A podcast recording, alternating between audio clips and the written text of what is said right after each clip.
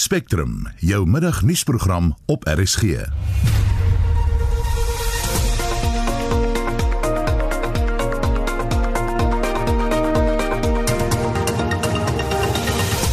Goeiemôre. In vandag se program gaan ons heelwat van die stories wat in die nuus was verder ondersoek. Onder meer plaaslike owerhede waarsku inwoners teen die gevaar van oorstromings. It's going to rain the whole week. We are going to also check the water levels, and in case the water rises, would have to request them to move up to safer areas. We also want to warn motorists to drive very carefully.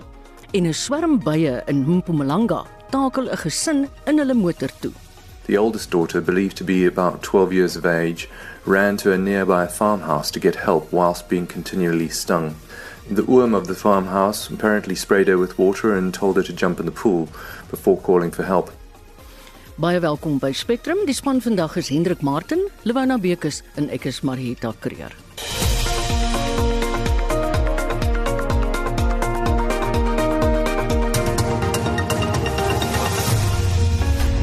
Dis op ek op 10 oor 1. 'n Groot swerm bye het 'n gesin van 5 gister in 'n natuurreservaat in Nelspruit aangeval en hulle is met honderde bysteke na die hospitaal gehaas.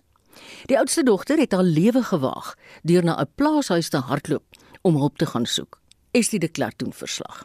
ER24 berig 'n pa ma hul jong tienerdogter kleuter en 3 maande oue baba is in 'n ernstige toestand in die hospitaal nadat hulle almal honderde kere deur 'n swerm bye gesteek is. Die ER24 woordvoerder Ras Campbell sê die gesin was in 'n natuurreservaat suid van Nelspruit toe hulle oor 'n bynes gery het. Die bye het deur die motor se ruitte ingekom, paniek gesaai en die familie in alle rigtings laat hardloop. Campbell sê die oudste dogter het gehardloop om hulp te kry. The oldest daughter, believed to be about 12 years of age, ran to a nearby farmhouse to get help whilst being continually stung. The oom of the farmhouse apparently sprayed her with water and told her to jump in the pool before calling for help. He also then drove down to see if he could find the others but had to turn back because of the swarm of angry bees. Ambulanspersoneel het net na 6uur gisterand op die toneel aangekom en paramedici het in brandpakke na die ander begin soek. The father was heard screaming for help from a flay where he had waded into the water with his toddler and baby in an attempt to escape the bees. Our medic managed to get close enough to grab the baby and toddler and race back to the farmhouse, handing them directly to the ambulance crew who rushed them through to the hospital. The oldest daughter had also by that time been taken through to hospital for further treatment. More ER24 paramedics arrived on the scene and they returned to the flay for the father and managed to find the mother who had run back to their car in all the panic. Die ouers is ook in die hospitaal opgeneem en Campbell sê die familie reageer goed op die behandeling. Ek is Estie de Klerk vir SAK nuus. Die burgerregte organisasie AfriForum beplan om 'n hofaansoek in te dien om die regering te dwing om COVID-19-enstowwe ook aan die privaat sektor vir verkope en verspreiding beskikbaar te stel wanneer dit in Suid-Afrika beskikbaar is. Ons praat nou met Ernst van Sail van AfriForum. Goeiemôre Ernst. Goeiemôre. Julle regspan het vandag vergader om die besonderhede van die regsaansoek te bespreek. Kan jy julle strategie met ons deel? Wel, uh, ek kan eerstens vir julle verduidelik wat ons standpunt is en dit is dat die regering nie 'n monopolie kan hê om te besluit wie die enstof mag kry en wie nie. So as die private sektor toegelaat word om die enstowwe aan te koop en te versprei, sal die verspreiding van die enstof aan diegene wat dit wat wil ingeënt word meer doeltreffend wees. Dit sal uh, ook dan uh, vermy dat die uh, dat die regering enigstens uh mags magsvergrype deur die regering. Dit sal verhoed dat die regering enige magsvergrype het en dit sal ook dan verseker dat meer Suid-Afrikaners wat deur wat die enstof wil vat, dit uh tot hulle beskikbaarheid sal hê. Erns, hoekom is julle van mening dat COVID-19 enstowwe net in die staatssektor beskikbaar sal wees?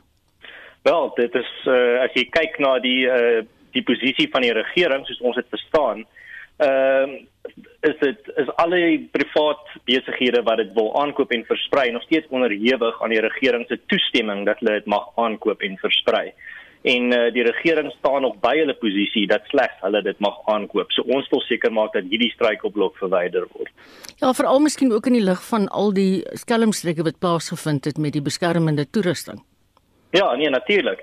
So reg deur die inperking het die regering vir ons bewys dat korrupsie en onbevoegdheid uh, hoog hoog hoog waarskynlik is wanneer hulle 'n monopolie het op 'n uh, op die COVID-19 verwante beleid en verpligtinge. So Afriforum wil dus die moontlike misbruik van regeringsmag in hierdie manier uh, probeer hmm. verhoed waar die aankoop en verspreiding van die entstowwe ter sprake is. Erns, kan ek jou vra waarvoor gaan julle spesifiek in die hof aansoek vra? Ons gaan aansoek uh, aansoek vra dat die uh, dat privaat besighede die entstof mag aankoop en versprei en nie hoef onderhewig te wees aan die regering se toestemming om dit te kan doen. Wat is julle ding dat julle dit nogal met sukses sal kan hanteer? Wel, dit is vir ons die uh die die hoofpunt uh, van ons uh, opsaak gaan wees dat dit die indraak maak op die toegang tot gesondheidsorg klousule van die grondwet. Mm. Baie dankie Erns. Dit was Erns van Sail van AfriForum. President Cyril Ramaphosa is ontevrede oor die bevinding van die ANC se integriteitskommissie dat hy die kommissie sowat 18 maande lank probeer vermy het, terwyl die vertraging in werklikheid veroorsaak is deur hofsaake wat hangend was. Ons praat hieroor met die politieke ontleder professor Dirk Coetzee van Unisa. Hallo Dirk. Goeiemiddag Marita. Net kortliks, hoe het die president in hierdie situasie beland wat van hom vereis om 'n verskyning te maak voor die kommissie? Wel dit in eerste instansie verwys dit na die uh verkiesingsveldtog van die president, uh, president Ramaphosa teenoor Dlamini Zuma in 2017 wat gelei het tot sy verkiesing as ANC president by die ANC se nasionale konferensie. Um, en daarvoor het al die verskillende kandidate um, geld ingesamel of geld ontvang in vorm van donasies. Um, en dit is nou in eerste instansie wat hier gespreek is, die sogenaamde CR17 veldtog en die geld wat daarvoor geskenk is. Um, en die feit dat dit onbekend is wie wie die donasies gegee het um, aan president Ramaphosa se se veldtog. Um, wat daarna gevolg het was die die vraag in die uh, parlement deur die leier van die op, oppositie toe uh, Musi Maimani oor sekere be, uh, bedrag wat deur die ou Bosasa uh, geskenk is aan die ID uh, veldtog. Ehm um, waar daar was meningsverskil, daar was eintlik onduidelikheid geweest oor omdat dit eers na verwys is dat dit is president Ramaphosa se seun wat die geld ontvang het en toe president Ramaphosa uiteindelik dit reggestel en gesê dat dit na sy veldtog toe gekom het Um, en as gevolg daarvan het die um, openbare beskermer toe 'n uh, ondersoek gedoen waarin sy bevind het dat um, hierdie geld um, en die, die, die geld wat gebruik is die 500 000 en selfs die ander bedrag wat geskenk is dat dit um, onbevoeg gedoen is dat daar moontlik uh, geldwasery te sprake was um, dat daar moontlik korrupsie betrokke was. Dit is weer lê uiteindelik deur die Hooggeregshof um, wat on, uh, laat verlede jaar in 'n hofuitspraak gesê dit is nie 'n geldige bevinding wat uh, optrede vereis nie. Maar in die lig daarvan het uh, president Ramaphosa toe gesê dat hy bereid is om na die integriteitskommissie van die ANC te gaan om sy verduideliking te gee daaroor. Laat verlede jaar by 'n uh, nasionale uitvoerende komitee vergadering. So dit is breedweg die agtergrond vir dit. Dirk maar die vraag bly tog sekerlik. Waarom is daar miljoene rande nodig om 'n interne leierskapstryd te voer? Wel, in die eerste instansie die ANC is 'n groot organisasie. Dit is uh, die nasionale konferensie van 2017 en einde volgende jaar gaan daar weer so 'n wees. Is daar 'n klomp mense wat dit bywoon. Dis 'n paar duisend afgevaardigdes wat daar is. Ehm um, en saam daarmee is daar verskeie geleenthede of inisiatiewe uh, wat al die verskillende kandidate en daar was drie kandidate gewees um, wat hulle gebruik het om hulle hulle stem te probeer uh, op mense se stemme te probeer werf. Ehm um, en dit is natuurlik 'n groot klomp geld wat lyk my ter sprake was. Ehm um, en ek dink dis deel van die uh die kritiek, die openbare kritiek teen die gebruik van hierdie tipe van geld mm. vir uh, presidensiële verkiesingsveldtogte. Die ANC vroeg tans oor die kwessie of kandidaate enigstens toegelaat moet word om geld te gebruik om afgevaardigdes se guns by die konferensies te wen. Maar is hierdie verskynsel uniek aan die ANC? Nee, dit is dis reg oor die wêreld van dit plaas uh, in die meeste lande. Ek meen dis nou natuurlik nie in 'n land soos China of so en want daar's nie openlike verkiesingsprosesse wat plaasvind nie. Maar in die meeste lande, ons ons kan kyk byvoorbeeld in die Amerikaanse veldtog wat nou 'n verjaar plaasgevind het. Uh, baie miljoene dollars is daarso ter sprake gewees um, en in ander lande ook. Uh, lande wat nie presidensiële stelsels het nie soos Brittanje, um, of in 'n groot Duitsland byvoorbeeld of Australië of Kanada, daar vind dit nie op dieselfde manier plaas nie, maar in lande waar daar veral direk verkose presidensiële stelsels is, ehm um, daar gewoonlik is is dit is 'n deel van die van die die situasie van die verkiesingsprosesse. Watter impak dink jy sal die nuwe wetgewing oor partybefondsing wat sê enige skenking bo 100 000 rand moet verklaar word op partye se finansiële welstand hê? Dit sal 'n groot impak daarop hê en ons gaan dit nou sien met hierdie plaaslike verkiesing later vanjaar. Dan um, die meeste partye voorspel dat hulle baie minder geld gaan ontvang van donateurs. Daar gaan twee bronne van geld wees. Die een is die geld van van die parlement wat aan die partye proporsioneel versprei word. Ehm um, en dan gaan daar ook 'n 'n nuwe fonds geskep wees of wat reeds geskep is wat die bevordering van demokrasie fonds is waarin privaat donateurs geld kan skenk. Hmm. Um, en dan natuurlik die die ou bedeling, maar die ou bedeling is wat nou nie te staan is is dat soos jy gesê het alle bedrae bo 100 000 rand moet verklaar word uiteindelik. Ehm um, sowel as enige en dan die maksimum van 15 miljoen. So enige donateur mag nie meer as 15 miljoen um, skenk aan 'n politieke party nie. Hoe dit gaan werk in terme van interne prosesse, interne verkiesings en nie net algemene verkiesings of verkiesings soos wat ons eh, die plaaslike verkiesings wat ons nou gaan sien. Dis nog nie 100% duidelik nie. Die die part, dit dit word nie 100% uitgespel mm. in hierdie wetgewing um, hoe dit gaan werk as dit byvoorbeeld die die DA het verlede jaar hulle federale kongres gehad waar daar 'n soortgelyke leierskapsstryd was um, of die ANC of die EFF of ander partye hoe dit in so 'n geval sal werk nie.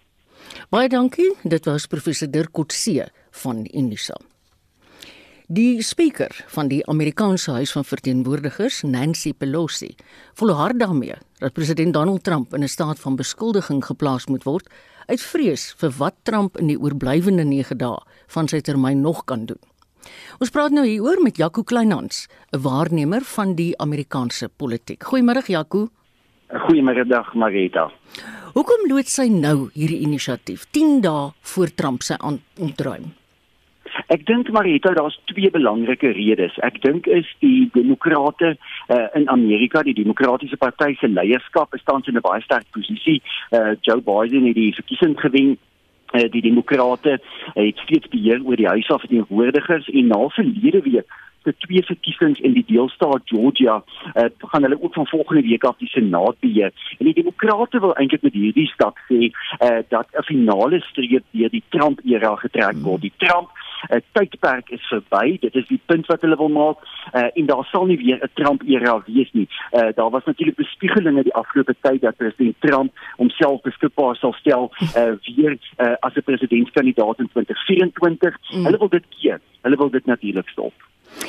Jaco, na watter kant toe hel jou eie mening oor? Na die lostramp nou uitkant? Want sy termyn is eintlik reeds verby of na die Pelosi kant wat bekommerd is oor wat hy met die oorblywende paar dae kan aanvang? Marita, ek dink in die eerste plek moet jy sê dat jy gaan nie 'n president in 'n staat van beskuldiging plaas uh in die huis van verteenwoordigers 'n volle verhoor in die senaat hou en dan 67 van die 100 senatore oortuig om die president uh, letterlik skuldig te bevind en dit verwyder binne 9 dae nie. So daar's eintlik nie 'n kans dat dit binne die volgende 9 dae kan plaasvind nie. Mm. Ek dink die die uh, voorstel om dit nou te doen uh, verhoog die politieke klimaat in Amerika en ons het verlede Woensdag gesien op watter gevaarlike vlak ja. is die politieke spanning daar reeds. Mm. Ek dink dit is eintlik wat die partye nou moet verhoed. Die partye sal moet by mekaar kom die demokrate en die republikeine en probeer om hierdie spanning te verlig. Op die oomblik doen een van die twee dit nie en en uh, uiteindelik kan die gevolg hiervan miskien 'n politieke oorwinning vir Nancy Pelosi en die demokrate wees maar dit kan veroorsaak dat ons baie meer van hierdie konflik sien. Mm. Konflik wat eintlik Amerika nou al die laaste paar jaar toenemend begin kenmerk waar Amerika eintlik wegbegin beweeg van 'n verteenwoordigende demokrasie waar kiesers hulle verteenwoordigers kies en dan verwag dat die verteenwoordigers hulle moet intree na hierdie soort van deelnemende demokrasie wat jy in Suid-Amerika en in baie ander plekke sien waar mense deur protes natuurlik hulle stem uit wil laat hoor. Ja. Trump word natuurlik ook dopgehou oor die moontlikheid van verdere omstrede kwytskeldings wat hy kan doen. Dink jy hy sal homself ook van vervolging kan vrywaar? Hy sal homself van uh, vervolging kan vrywaar. Ek dink Trump oorweeg dit baie sterk uh, om homself so 'n uh, uh, kwytskelding te gee, maar dit is natuurlik nie uh, die geval vir alle klagtes nie. Dit is vir federale um, uh, misdade en vir federale veroordelings, nie vir dit wat binne deelstate uh, die geval is nie. So hy kan homself nie heeltemal vrywaar van alle klagtes nie, maar wat ons wel kan verwag en ek dink en dit gaan waarskynlik in die volgende paar dae gebeur, miskien selfs nog later vandag, is dat president Trump 'n hele hoeveelheid uh, mense wat 'n uh, tans misdaadrekords het, selfs mense wat in die in die tronk is, uh, kan vrystel of mag dalk selfs die omstrede besluit oor mense soos Julian Assange van WikiLeaks mm. en ander persone, eenvoudig omdat Trump 'n boodskap wil stuur na die sogenaamde politieke elite in Washington, net daardie moeras waarvan hy die afgelope 5 jaar so baie gepraat het. Ehm mm. um, daar's ook beweringe dan nou uh, dat hy kan besluit om vertroulike dokumente te deklassifiseer. Onder daar's baie dokumente, daar's nog die dokumente oor die sluitmoord op John F Kennedy wat nog nie eers deur die federale regering gedeklassifiseer is nie. So baie dinge, ondersoeke oor Hillary Clinton se e-posstelsels 5, 6 jaar gelede, daar's baie sulke dinge wat vertroulik is. So Trump kan verseker oor die volgende 9 dae nog tot 'n hele aantal klein opskuddingkies aanduiding gee veral dink ek omdat sy hy self waarskynlik weet dat sy politieke loopbaan tot 'n einde gekom het. Trump uh, se naam en sy sy handelsmerk uh, as 'n politieke leier het sodanig skade gelei dat ek dink nie hy kan in die toekoms weer gekies word nie. Jaco, watter soort land neem Joe Biden by Trump oor? Afgesien nou van die erge verdeeldheid. Ja, uh, uh, dit is 'n land in krisis. Uh, om jou eerlik te wees Marita, ek wil nie die persoon wees wat op die 20ste Januarie uh, oorneem uh, as president van Amerika nie, want Amerika is op verskeie terreine so 'n belangrike kruispaaie, né? Uh, die een is sekerlik um, die, die gesondheidspandemie. Jy kan nie daarby verbykyk nie want hy het soveel implikasies uh, op die ekonomie en op die uh, sosiale welstand van die land en op alles. Maar as mens net na die groter prentjie kyk, dan stuur Amerika reeds vir die afgelope paar jaar af op enorme verdeeldheid uh, tussen wat ek beskou as die die landelike meer konservatiewe Amerikaners wat voel hulle is agtergelaat deur die elite die afgelope paar jaar. Jy sien die geweldige verlies aan werksgeleenthede in baie van hierdie ou fabriekstate, die ou mynwese state waar daar regtig armoede en swaar kry al vir jare is en en mense net eenvoudig voel hierdie leierskap in Washington DC luister nie na ons nie. Hulle tree nie vir ons in nie. Hulle doen niks vir ons nie. En dan die, aan die ander kant sit jy met die sogenaamde liberale stedelike elite wat dit goed gaan, wat die voordele van die globalistiese ekonomie ervaar en die breuk tussen hierdie twee groepe raak al hoe groter en groter. Ons het dit verlede jaar gesien um, in opstande rondom die Black Lives Matter beweging wat uiteindelik oor baie baie meer gegaan het as die moorde op een of twee of drie swart mense. En ons het dit nou gesien met hierdie verstommende opstand verlede week van konservatiewe Amerikaners wat die Kongresgebou binne geval het. Mm. Dit is ongewone tye waar jy hierdie vlakke van konflik en geweld in Amerika sien. Ons het dit eintlik laas in die 1800s regtig ja. in die VSA gesien. So ek ek dink Amerika stuur af op 'n ongelooflike uh, politieke konflik en dit leierskap nou nodig wat wat nie probeer om min te slaan uit uit korttermyn oorwinnings nie, maar ja. regtig probeer om mense bymekaar te bring. Jaco baie dankie. Dit was Jaco Kleinhans, 'n kenner van internasionale politiek en die solidariteitsbeweging se hoof van buitelandse skakeling. Waterprobleme tuister baie dele van die Vrystaat. Die DA het inligting daaroor van sy verteenwoordigers in stadsrade gevra en dit toe in 'n verslag saamgevat. Ons praat nou met die leier van die oppositie in die Vrystaatse wetgewer, Dr. Roy Jankelsen. Goeiemôre Roy. Goeiemôre Marieta. Kan jy vir ons die belangrikste knelpunte uitlig asseblief? Ja, ons het nou inligting oor die hele Vrystaat uit elke munisipaliteit ingewin en die die vernaamste probleme is goed soos die gebrek aan kundigheid as gevolg van die ANC se kaderbeleid dat hulle ANC kaders in possessie plaas en nie die nodige kundige mense wat eintlik die werk op die grond kan doen, dan is finansiële wanbestuur ook 'n groot probleem want die finansies word nie aangewend waar dit behoort aangewend te wees en dit is om basiese dienste soos water aan ons mense en munisipaliteite te verskaf. Ons sit ook met verouderde infrastruktuur wat nie vervang word nie en dan ook um, onderhoud wat nie op hierdie infrastruktuur gedoen word. Ons um, het ook 'n wanbetaling van munisipaliteite as gevolg van die swak finansiële bestuur aan ons waterrade. Hulle sny fisies water af al is dit beskikbaar omdat munisipaliteite soos Mangaung en Machobeng hulle rekeninge aan hierdie rade betaal. En dan vandalisme is ook soms 'n probleem. Ons het gevind dat mense doelbewus van ons um, infrastruktuur saboteer en ons het 'n sterk vermoede dat dit gekoppel kan wees aan interne ANC binnengevegte en hierdie faksies binne die ANC en die binnengevegte het ook 'n impak op ons stadsrade se vermoë om hulle oorsigwerk te doen mm. oor administrasies. So daar is 'n verskeidenheid probleme wat ons saamgestel het in 'n verslag, want daar is nie 'n enkele munisipaliteit wat nie water toevoer of waterkwaliteitsprobleme het op hierdie stadium en ek het dit ook so aan die premier deurgegee met 'n versoek dat hulle kyk na hierdie aangeleenthede en kyk of hulle nie moontlike oplossings kan voorlê nie. Wat sal jy van hou moet die premier doen? Die premier moet ingryp. Ehm um, daar's vir 'n lang tyd per toegelaat dat munisipaliteite doen net wat hulle wil en ehm um, dit is tyd dat die provinsiale regering ehm um, hulle die hulle hulle feeste begin wys vir munisipaliteite en begin ingryp die dis dieselfde party wat die provinsie regeer as wat ook munisipaliteite in die Vrystaat regeer en sy moet basies die politieke wil nou wys om te sê ons gaan optree teen amptenare wat hulle skuldig maak aan wanbestuur wat ook 'n impak het dan op dienslewering. Ons gaan die kaderbeleid ten syde stel en begin kundige mense aanstel en ons gaan ook um, van die provinsie se kant af dan die nodige hulpbronne beskikbaar maak om ons verouderde infrastruktuur te vervang en seker te maak dat daai hulpbronne gebruik word vir die doel waarvoor hulle beskikbaar gemaak word en nie gebruik word vir karre en funksies en daai tipe goed. So daar is goed wat ek dink die premier kan doen om ons mense op grondvlak te ondersteun en ek sê spesifiek ons mense op grondvlak want ons het baie goeie reën gehad die afgelope tyd. Ja. Ons damme is vol, maar mense het nie in hulle kraan in hulle kraan en hulle huise mm. water nie. En dit is 'n geweldige krisis um, in hierdie tyd vir vir vir ons huishoudings in die Vrystaat. Ek is bly julle het sulke goeie reën gekry. Ons gaan juis later in ons program vandag met 'n weervoorspeller praat en dan gaan blykbaar nog val. Sou die premier nie gehoor gee aan julle versoek nie? Wat kan julle daaroor doen?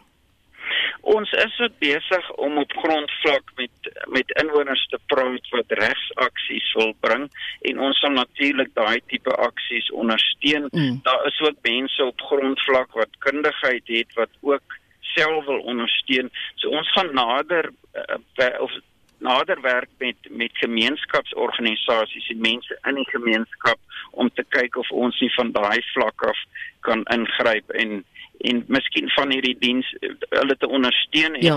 miskien as dit nodig is van hierdie dienste ook oor te neem by munisipaliteite. Mm. Dit is nie ideaal nie want ons betaal vir daai dienste, maar ons inwoners is redelik moeg vir hierdie stand van sake en ons verstaan hoekom hulle daai frustrasies het en ja. self wil ingryp. En ons maar het die belangrike mm, die, die belangrike ding is dat die regering wat betaal word hulle werk moet doen en daai mm. basiese dienste moet lewer. Ja, maar ons het hier die voorbeeld van Koster en Swartruggen, so ek meen daai president is geskep. Ja, die, die president is geskep. Daar is ook uitsprake wat ek dink hierdie aksies van inwoners kan ondersteun. En um, ons ons het al nie altyd die finansiële hulpbronne om dit te doen nie, maar ons kan mm. waar ons waar dit moontlik is hierdie aksies ondersteun en ons ja. sal dit ook doen. Baie dankie. Dit was die leier van die oppositie en die Vrystaatse wetgewer, Dr. Roy Jankelson.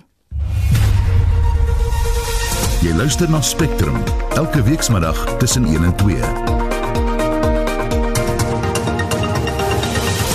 27 minute voor 2.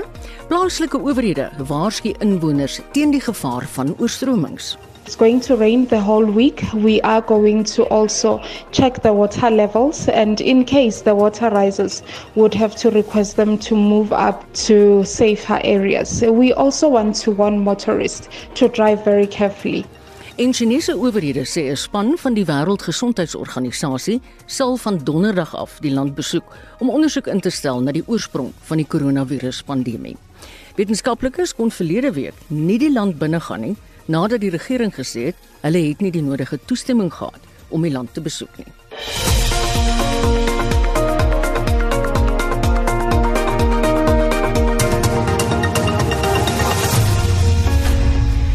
Wat langs die Vaalrivier naby Kimberley in die Noord-Kaap woon, is van omringende diensgebiede afgesny. Die sluise van die Vaalrivier by die Bloemhofdam in Noordwes is oopgemaak en dit veroorsaak dat van die laagliggende brûe oorstroom is en inwoners se oorgange belemmer word. Estie de Klerk doen verslag. Inwoners van Kilani buite Kimberley sê hulle is heeltemal van die wêreld afgesny. Die gebied het geen toegang tot basiese dienste nie omdat die brug wat hulle met die dorp verbind onder water is. Die oorstromings dwing hulle om skuilings in vreemdelinge se huise te vind. You have to take all your possessions and find somewhere else to sleep until the bridge is reopened. It affects us mostly because of some people are now suffering because of their jobs. And since now it's been January, some people are going to stay home behind because of water. Die woordvoerder van die Solplaatjies munisipaliteit, Selo Matsi, het gewaarsku dat meer oorstromings kan voorkom. Residents are urged to be careful as the sluices of the Bloemhof Dam have been opened. Usually, when this takes uh, place, it does threaten lives if we are not careful. At this stage, there's no need to evacuate, but uh, those who go out fishing around that areas are also advised to be careful.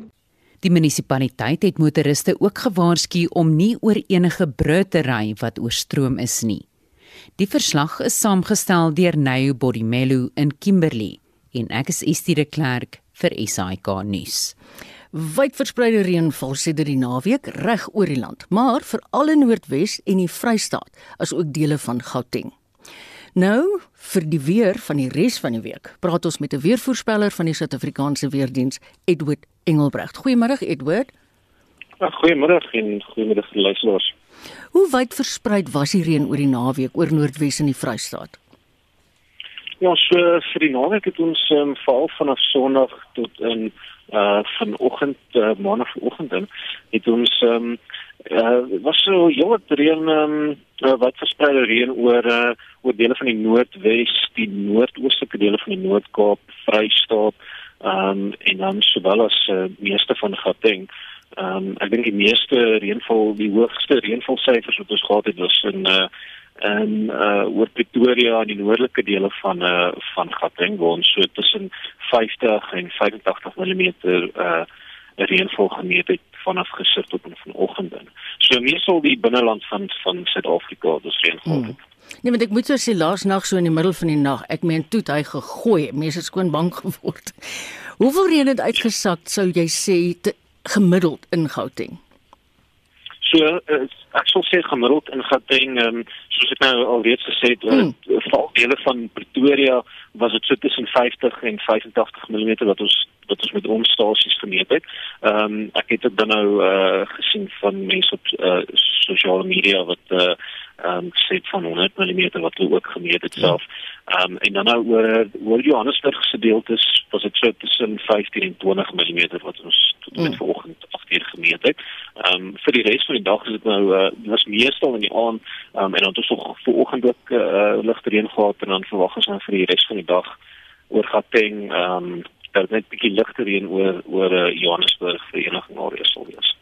Edward, hoe lyk die vooruitsigte in die Suid en die Oos-Kaap?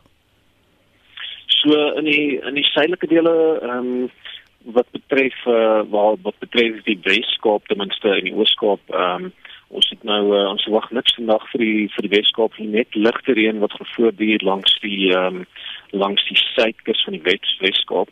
Ehm um, en dan nou wat uh, en dit gaan nou voortduur tot 'n môre in ehm um, môre vir die vir die suidelike dele verwag ons dan nou uh, um, 60% kans persent kans op donderbuie. 60%. Uh, 60%. Dit gaan okay. nou vir die binneland wees van die Wes-Kaap, so hmm. daar by Beaufort West areas. Ehm um, uh wat ons nou daar 60% kans verwag en dan ook vir die Oos-Kaap ehm um, vir vandag verwag ons meestal oor die noordoostelike dele uh 60% kans ehm um, uh met 'n kans vir ehm um, uh vir vloede dan nou daar oor die uh oor die noordoostelike dele ons het 'n waarskuwing uitgereik daarvoor. Ja. Baie dankie. Ons het gesels met Edward Engelbrecht van die Suid-Afrikaanse Weerdiens in Pretoria.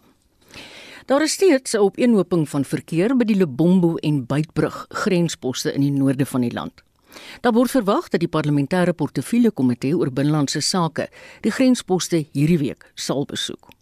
Om te hoor hoe sake nou vorder by die grensposte praat ons met die direkteur van binnelandse sake vir grensposte, Steven van Neel. Steven, I heard your voice a lot in the last couple of days. ja, nee, dit is so. Goeiemiddag en uh, goeiemiddag aan die luisteraars. Welkom by ons. Wat sal jy sê what is the situation with the Lebombo border post? Still a congestion? Well, I, I heard you saying that we have pressure at uh, both Bedbridge and Libombo. I think the first thing just to correct is that uh, the processes and the flow through the port at Bedbridge is quite resolved now. Okay. Don't have any challenges at that port of entry anymore. Uh, yes, we do still have some pressure at uh, Libombo port of entry, and it is continues to be so. We had uh, over the weekend a number of people entering but the demand for services at the port is still a, is still a, is still a problem. And the services I'm referring to is not so much the border law enforcement services, than it is the, the, the need for testing at our ports of entry. Mm. Yeah, I can understand that. So that would be one of the reasons for the congestion. We heard the story about the borders towards Botswana that are very strict with their regulations now, and now the big truck drivers prefer going via Zimbabwe to Botswana. Would you say that was a big factor? Well, you know, the problem, and that's not only about uh, Botswana or Mozambique, but it is across uh, some of our neighboring states. And there's very, very little that as government uh, South Africa can do uh, what countries neighboring, uh, you know, expect us, or drivers or travelers to do. Yes, uh, it is a requirement now for a traveler into Mos- to into Botswana to bring a test with you, and you will not be allowed entry into the country if you do not have a COVID test. Mm-hmm. Now, all of a sudden, now of, of of of course, that would be a problem now on our side because many people would arrive at the port of entry, do not necessarily comply with that requirement from the neighboring state, and then get themselves, uh, you know, stuck at the, at the South African side of the border. And it's got nothing to do with South Africa. That's the same thing in Mozambique, where we ask them that bring to, uh, you come to South Africa, please bring in a COVID-19 test. And all of them, all of a sudden, would want to be tested at the port. Now, mm. you, you, you must understand that the processes at borders as for instance, the immigration process will not be longer than two minutes for you to be processed. But now all of a sudden there is a need for you to go and to get a test. You need to be tested, you need to complete forms, you need to wait for your test results. You're now loitering around in the port of entry for another 20, almost to 40 minutes. Mm. And obviously that's a build-up of people inside the port, and that's why we have congestion at our ports of entry. From the experience you now had during the summer holidays at the borders, can you honestly say there's nothing that the South African side can do to alleviate these problems? I think there's a responsibility with uh, from our neighboring countries as well. I would, and I think government would, uh, you know, take uh, uh, um, the blame for if uh, if people are congested on the South African side. But obviously, we'll also have to look at what is it that leads to that congestion. In December, for instance, at Bridge, it's got nothing to do with border law enforcement our officials at immigration and other departments were idling while the N1 from Messina up to Bedbridge was completely congested. And that's the behavior of truck drivers. So there is a lot of things that are given and uh, sort of blamed either by the to the Department of Home Affairs and to border law enforcement entities. But a lot of this stuff has really got nothing to do with border enforcement, and it is what uh, other factors are contributing to that. We also ask that you know, neighboring states would they, they need to do a little bit more on, on, on how do we prevent congestion at our ports of entry. Thank you very much. Dit was die direkteur van binnelandse sake vir grensposte, Steven van Neel. Ons beweeg na die sportveld. Hier is Shaun Schuster. Ons begin met cricketnuus. Die derde toets van die reeks tussen Australië en Indië het vanoggend onbeslis geëindig. Indië moes 407 aanteken om die toets te wen en het op 334 vir 5 geëindig. Australië se Steve Smith was die speler van die wedstryd vir sy 131 in die eerste en 81 lopies in die tweede beurt. Die reeks bly gelyk op met 1 elk en sal met die vierde en laaste toets wat Vrydag in Brisbane afslaan beslis word. Cricket Australië het oor die naweek aangekondig dat die vroue Protea span se tuis eendag en T20 reeks teen Pakistan op Kingsmead in Durban sal plaasvind. Die eendag reeks begin die 20ste Januarie en die wedstryde die oggende 10uur. Die T20 reeks slaan die 29ste Januarie af en daardie wedstryde begin die middag half 4. En laastens in tennisnuus. In die kwart eindstryde van die manstoernooi in Antalya in Turkye het die Fransman Jeremy Chardy in 3 stelle met die Duitser Jan-Lennard Struff afgereken. Die Brit Cameron Norrie het die Fransman Adrien Manarino in die tweede ronde van die Delray Beach Open in Amerika in 2 stelle uitgeskakel. En in die kwart eindstryde van die vroue toernooi in Abu Dhabi het Arina Sabalenka van Belarus in 3 stelle teen Elena Rybakina van Kazakhstan en die Griek Maria Sakkari ook in 3 stelle teen die Amerikaner Sofia Kenin geseëvier. Dit was Shaun Jooste van RSG Sport. Die burgerregte organisasie Toekomsvonk sê sy statistiek wys dat die meeste plaasaanvalle nie deur individue nie, maar deur bendes uitgevoer word. In 2020, volgens hulle, is 77 boere in 446 plaasaanvalle vermoor. Ons praat nou met die direkteur van Toekomsvonk, Amor Gerber. Goeiemôre Amor. Goeiemiddag Marita en goeiemiddag aan al die luisteraars. 77 boere vermoor in 446 aanvalle. In watter provinsie was die meeste aanvalle? Gauteng met 108, ehm um, tweede meeste was Noordwes met 75 en die minste was in die Noord-Kaap met 7 volgens ons statistieke Marita. Wat is die gemiddelde aantal aanvalle wat daar in 'n maand plaasvind en watter tyd van die dag vind dit meestal plaas? Ehm um, goed, so die gemiddelde aanvalle is so 37 per maand. Uh, maar dit was al April het ons laas jaar gesien het met 21 aanvalle gehad, maar Julie het byvoorbeeld 58 gehad. Hmm. En die tye is ehm uh, 6:00 in die aand tot middernag is die meeste aanvalle. Laas jaar was daar 123 aanvalle in daai tyd en dan middernag tot 6:00 in die oggend is die tweede meeste met 110 aan. So maar die nag van 6:00 ja. tot 6:00. Goed. Vertel ons 'n bietjie meer van toekomsvonk. Amor, waar kry julle die statistiek en hoe word dit geverifieer? Ons werk met verskeie plaasgemeenskappe, uh, plaaswagte, gemeenskapspolisieeringsgroepe en ons verifieer alles. Ons maak seker dat elke insident wat op ons statistieke gaan deur ten minste twee onafhanklike mense geverifieer kan word. Ehm um, dit is baie belangrik vir ons dat hierdie inligting korrek is en ons sal nie ons ons sit niks op ons lys op ons statistiek wat enigsins ehm um, mense oor kan wonder was dit nou regtig 'n plaasaanval of nie. Daar is ongelukkig ander organisasies wat selfs plaasaanvalle van Namibië opsit as hier in Suid-Afrika. En so dis belangrik vir ons dat elke liewe ding geverifieer is. So van die die van slag af slagoffers tot polisie word gekontak om seker te maak ons statistieke is 100% korrek. Wat dui die statistiek aan in terme van bendes wat saam optree? Dit ek dink dit is vir ons die die bekommerwekkende deel van dit uh, Marietta is dat gemiddeld is daar 4 aanvallers per aanval. Hm. So dit is nie individue wat kom nie. Um, ons het gesien in die afgelope jaar was die een aanval het ons daar 20 aanvallers. Daar was byvoorbeeld in Brits en Maart 5 aanvalle met met elke keer 'n bende van 15 aanvallers. So dit is beslis groot groepe.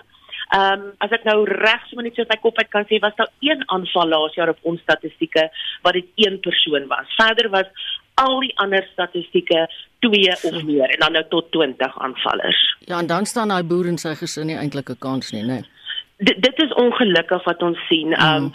jy weet en en daar is geen manier wat jy jou teen 20 aanvallers nee dit is dis baie moeilik. Amor, word in die meeste gevalle net geplunder en geroof of word mense aangeval en gemartel? Weet jy, um, ons moet mooi verstaan dat 'n plaasaanval is anderster as wat ons dalk in die stede ken as 'n huisroof. In in weet in die stede word jy die huis dalk dopgehou en daar word ingebreek as jy nie by die huis is nie. Nou as jy kyk na die tye van plaasaanvalle, dis van 6:00 in die aand tot 6:00 in die oggend. Mm. En een van ons aanvalle laas jaar was by 'n huis waar daar niemand is nie. So elke keer was dit gewees met mense wat daar was. So hulle kom spesifiek wanneer die mense daar is, wat dit al klaar aan anders maak. En baie baie min aanvalle is net om te gaan steel. Hulle kom met pangas, gewere, messe daaraan. Ehm um, en mense word met kookwater gegooi. Hulle word vasgebind en met pangas geslaan. Hulle word met klippe oor die kop geslaan. So dis regtig vir my ek weet nie hoe om dit anders te stel as dit is skrikwekkend om te sien wat op met ons plaasgemeenskap gebeur. Dit is regtig nie net ehm um, ek kom om 'n selfoon of geld of of jou geweer uit jou kluise te steel nie. Ja, hulle doen al daai goed ook. Maar dit jy word nie daar vasgebind of in 'n kamer toegemaak nie. Jy word gemartel terwyl ja. in jou huis splinter. Ja, dit is ontstellend. Baie dankie. Dit was die direkteur van die burgerregte organisasie Toekoms Vonk, Amor Gerber. Suid-Afrikaners is gewaarsku om nie tuisgemaakte alkohol op die swartmark te koop of om gevaarlike chemikalieë in hulle tuisgebroude drank te gebruik nie. Dit kom na twee mense in Bloemfontein dood is na hulle 'n tuisgemaakte konkoksie gedrink het wat glo brandspiritus, parafin, disprintablette en vuurhoutjies bevat het. Hendrik Weingart het meer. Sedert die Grendelstaat in Maart verlede jaar begin het, is alkoholprodukte wat nog nooit voorheen gesien is nie, onwettig in Suid-Afrika verkoop. Sommige daarvan is nagemaakte alkohol en ander is die land ingesmokkel sonder dat dit aan enige regulasies voldoen. Die nagemaakte alkohol word op groot skaal vervaardig en op die swartmark van die hand gesit. Dit is onveilig en kan gesondheidsprobleme veroorsaak, sê Dr. Tiny Mhinga, 'n mediese praktisyn van Johannesburg. Dis high concentrated alcohol, which is not even monitored. You don't even know what amount of actual alcohol there. Because kuna methanol, kuna ethanol, you know, and some of these things are very, very toxic, very toxic to your body. And the first organ that you're going to hit is unfortunately your liver. Verlede week het gewapende misdadigers duisende doppies van bekende dranksoorte by 'n fabriek in Durban gesteel. Dit sal waarskynlik gebruik word vir bottels nagemaakte alkohol. In Augustus verlede jaar is nagemaakte alkohol, ongebruikte etikette en bokse vol bekende brandewyn, whisky en ander dranksoorte deur die polisie in Rustenburg in Noordwes gekonfiskeer. Maar nagemaakte alkohol is nie die enigste probleem nie. Tuisgemaakte brousels het reeds verskeie lewens geëis, soos in die geval van twee Bloemfonteinse vroue van 20 en 24 wat op oujaarsaand dood is nadat hulle van die brousels gedrink het. Dit glo tot parafin en vuurhoutjie stokkies bevat. Dr. Menga sê hierdie soort brousels is dodelik. People have given it different names. There are many variants of these things. But the common thread with all of this is that um, it's an alcohol that can damage your liver so quickly. Even with ordinary drinkable alcohol, the ones that people are using for two days, three days in huge quantities, the usual alcohol that you take, for example, or whiskey, or gin, or brandy, or vodka, everything, over a sh- short period of time, that in itself can cause immediate damage to your liver, which can also lead to death. Maar nie alle tuisgemaakte brousels is noodwendig gevaarlik nie, sê die nagklub eienaar Oscar Michael. Hy sê dit is deel van Afrika tradisie. Our elderly used to do this uh, we normally call this komfana. We grow up knowing that it is but those people knew exactly what to put in at what measure. So it's important whatever that you do if you want to try it at home make sure that you know exactly what you are doing. Otherwise, it will not be right. It will be fatal. Dit was die nagklub eienaar Oscar Michael wat hierdie verslag deur Horisani Sitole afgesluit het. Ek is Hendrik Weingart vir SAK nuus. Interessante storie nou. Mommy Mall is 'n aanlyn platform vir vroue met die doel om vroue entrepreneurs te bemagtig. Op die platform adverteer ma's hulle sakeondernemings sodat ander ma's daarbey kan baat vind. Weer Estie de Klerk. Mommy Mall is in 2014 deur Naomi Betou begin, self 'n ma van twee dogters. Haar doel was om 'n platform te skep waar ma's ander ma's kan ondersteun en sodoende 'n vroue sake gemeenskap te skep. Moeders wil graag beter doen in besigheid en hulle wil graag weet hoe om te adverteer en waar om te adverteer. En Mommy Mall bied beide daai geleenthede aan. Ons het 19 reklamegroepe in Suid-Afrika. Daar's 'n Mommy Mall te vind omtrent in elke stad en streek.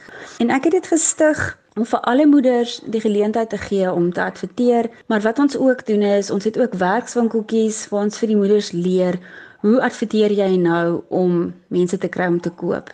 Daar is 100 000 vroue wat hul besighede op die platform adverteer. Lede betaal R900 per jaar om hulle onderneming se profile op die platform te laai waarby ander vroue dan weer kan koop. Van velsorgprodukte tot klere, tot geskenke en speelgoed, tot finansiële dienste, selfs sielkundiges en dokters kan hier gevind word. Vroue bemark hul besighede op die platform en kopers word dan na die spesifieke sakeonderneming se webwerf herlei. Direkte aanlyn aankope is in die pipeline. So mense gaan na die webwerf toe en dan kan jy al die sakeprofiele daar sien en daar's 'n knoppie op die webwerf wat jy die persoon dan kan kontak met 'n kontakvorm of daar's 'n knoppie wat jy net kan druk en dan kan jy die mamma WhatsApp. Of as daai mamma dan in Facebook in een van ons groepe geadverteer het, dan kan hulle van die platform op Facebook dan gebruik maak om in kontak te kom met die persoon. Margriet van der Merwe van George het 5 jaar gelede haar sakeonderneming Pikant Piknik begin. Sy het 'n aanlyn bemarkingsplatform gesoek en in Mommy Mall die antwoord gevind. Ek het toe ek 5 jaar terug by Mommy Mall aangesluit het, het ek begin adverteer by hulle en as ek vandag terugkyk, kan ek sien hoe baie Mommy Mall my besigheid gehelp het. Vandat ek daarop geadverteer het, het ek sommer met my eerste advertensie al meer as 100 reaksies gekry en daar het mense my begin raak sien en Mommy Mall het regtig gehelp dat my besigheid soos wat hulle in Engels sê op die map kom. Naomi sê die platform het vele nuwe lede tydens die inperkingstyd bygekry omdat meer sake eienaars begin het om op besighede aanlyn te bemark. Ons registreer die besigheid en ons verskaf die handelsmerk, ons verskaf bemarkingsraad, 'n bemarkingsplan. Meeste mammas het nodig om nou dadelik geld te maak en hulle het nie die luukse om verskillende goed te probeer nie. Karin Hugo Waring van Durbanville sê dit is vanweë die ondersteuning dat sy die platform gebruik om haar besigheid te laat groei. Sy sê sy het reeds jare lank produkte gekoop via die platform. Karin het vanjaar 'n lewensafrigtingsonderneming Transformasie met Karin Hugo Waring begin waar sy vroue help om weer hulle selfvertroue terug te wen. Toe ek besluit om my suksesvolle koöperatiewe loopbaan te verlaat, en 'n voltydse praktyk te bou, was Mommy Mall die eerste aanlyn platform waarby ek aangesluit het. Dit is maklik, dit is professioneel, maar dit voel nog steeds soos 'n klein dorpie op 'n groot platform. Ek glo besigheid is altyd oor verhoudings. En my hart is om verhoudings te bou met vrouens en waarde te verskaf. En Mommy Mall gee my die geleentheid om duisende vrouens te bereik. Nie elke vrou op Mommy Mall raak 'n kliënt nie, maar elke vrou raak 'n deel van my storie en ek is so dankbaar daarvoor. Margriet sê elke keer wat sy op die platform adverteer, kry sy nuwe kliënte. Dis 'n gemeenskap waar mense mekaar help, waar ma's mekaar ondersteun en selfs Naomi ook. Sy's nooit te besig om jou te help nie en sy het altyd raad as jy sukkel met iets. Vir my as ma en vir my as 'n besigheidseienaar is Mommy Mall regtig daardie antwoord. Daar's mense wat ander mense na jou toe verwys en dit is regtig vir 'n baie lekker gemeenskap waar ma's en vrouens mekaar kan ondersteun en waar jy ook die nodige ondersteuning kry wanneer jy dit nodig het. En dis juist vanweë die feit omdat vroue mekaar ondersteun dat Karin sê sy die platform gekies het.